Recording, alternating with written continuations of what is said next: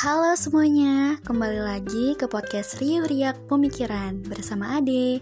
Di episode kali ini, Ade mau review novel lagi nih. Novel kali ini berjudul Tiny Acts of Love Yang ditulis oleh Lucy Lowry, diterbitkan dan diterjemahkan oleh penerbit Bentang dari Mizan Group pada tahun 2016 Novel ini memiliki jumlah halaman 411 halaman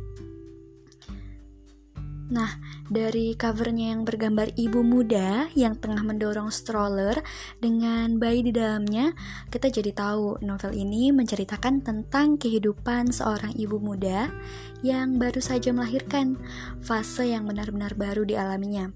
Karena satu dan lain hal, sindrom pasca melahirkan pun tak terelakkan dialaminya. Ketakutan, kecemasan, kekhawatiran karena rasa cinta yang berlebih terhadap putrinya menjadikan dia merasa terbebani, takut tidak bisa menjadi ibu yang terbaik untuk anaknya, takut anaknya kenapa-kenapa. Ya, mungkin secara naluriah dialami oleh setiap ibu.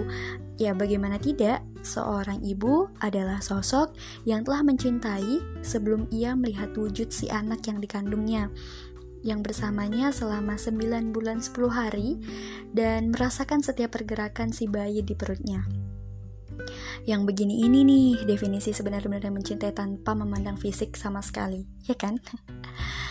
Nah, ketika mendengar tentang sindrom pasca melahirkan, mungkin yang terbersih di pemikiran kita adalah, oh, kena baby blues ya. Ada pikir juga gitu awalnya. Namun, sindrom pasca melahirkan bukan hanya baby blues, ada juga istilah postnatal depression. Ada juga baru tahu.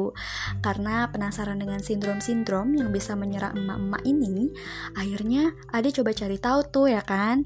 Karena ada bukanlah orang yang ahli dalam bidang ini, karena bida karena ada bukan bidan, uh, bukan masuk kedokteran juga. Jadi nggak apa-apa ya kalau informasinya seadanya. Uh, ini hal-hal yang ada pahami dari membaca beberapa jurnal tentang sindrom pasca melahirkan. Dilansir dari The NFC Foundation yang berjudul The Baby Blues and Postnatal Depressions, Baby Blues Syndrome adalah depresi ringan seperti merasa sedih yang hebat tanpa alasan yang jelas, khawatir berlebihan, yang terjadi pada ibu setelah beberapa jam melahirkan sampai beberapa hari setelah melahirkan kemudian akan menghilang dengan sendirinya jika diberikan pelayanan psikologis yang baik.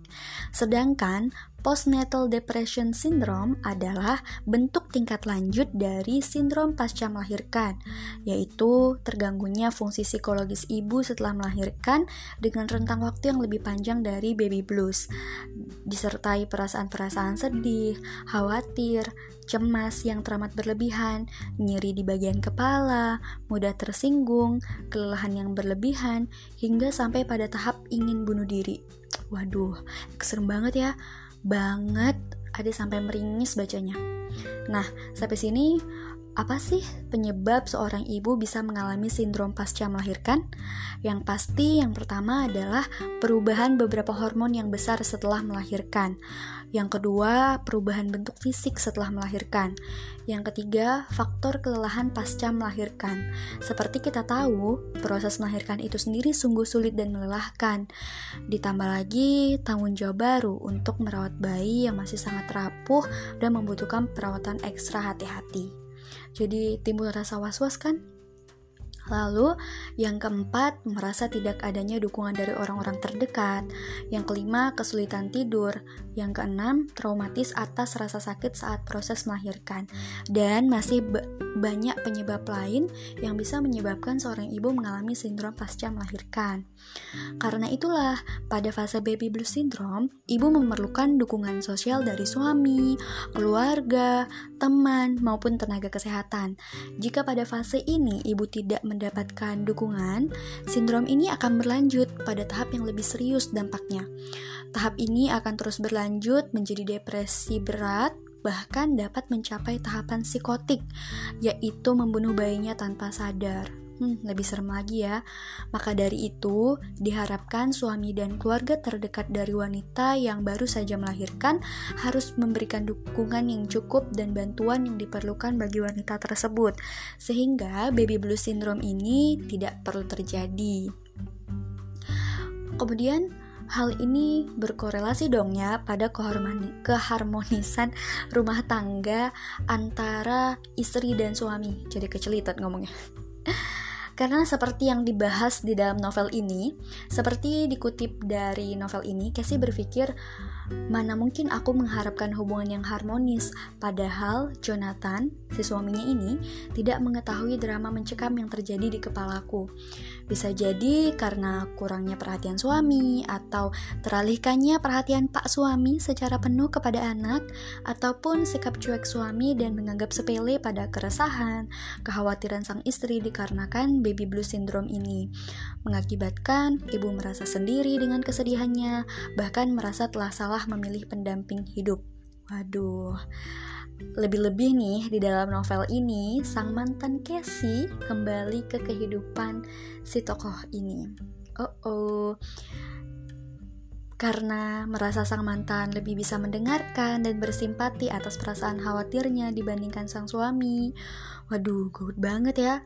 So, komunikasi menjadi kunci dalam mengatasi permasalahan dalam hubungan ini dengan tetap peduli pada apa yang dikeluhkan pasangan.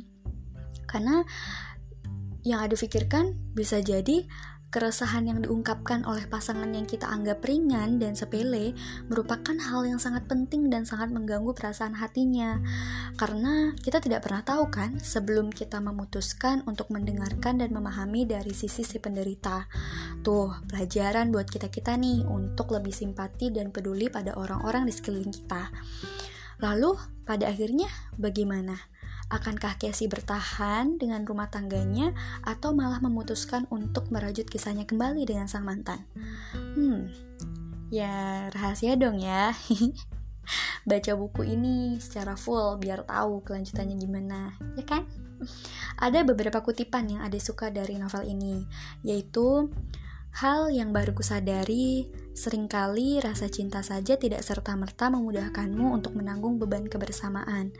Obsesi memiliki lantas menjadi mengikat dan menimbulkan kecemburuan.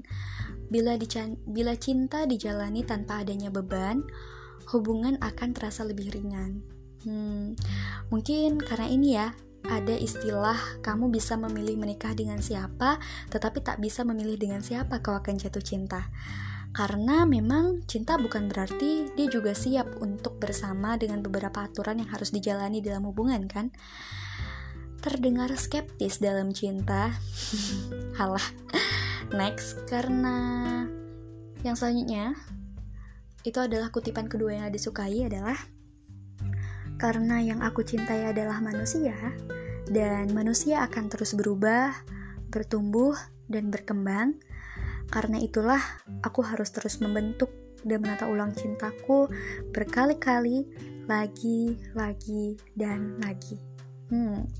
Sebenarnya masih banyak banget yang mau Ade bagikan tentang novel ini Cuma takutnya nanti spoiler jadi gak seru kan buat teman-teman baca buku ini Untuk tahu lebih lanjut kalian bisa baca novel ini secara full Terus kita bisa diskusi deh Sampai jumpa lagi di episode selanjutnya ya See you and dadah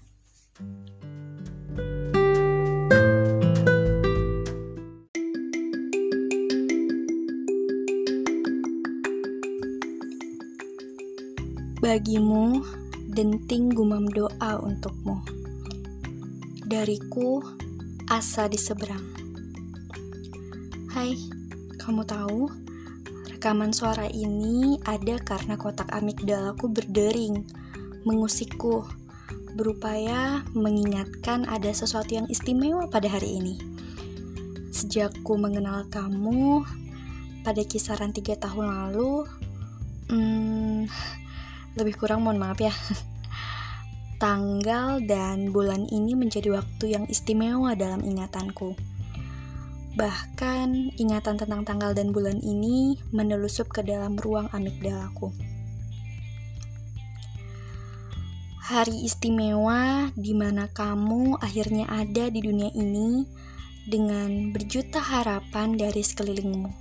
Dan di antara sekian banyak manusia, Tuhan menakdirkan aku untuk menjadi salah satu sosok yang mengenalmu, kemudian bertukar cerita dan angan.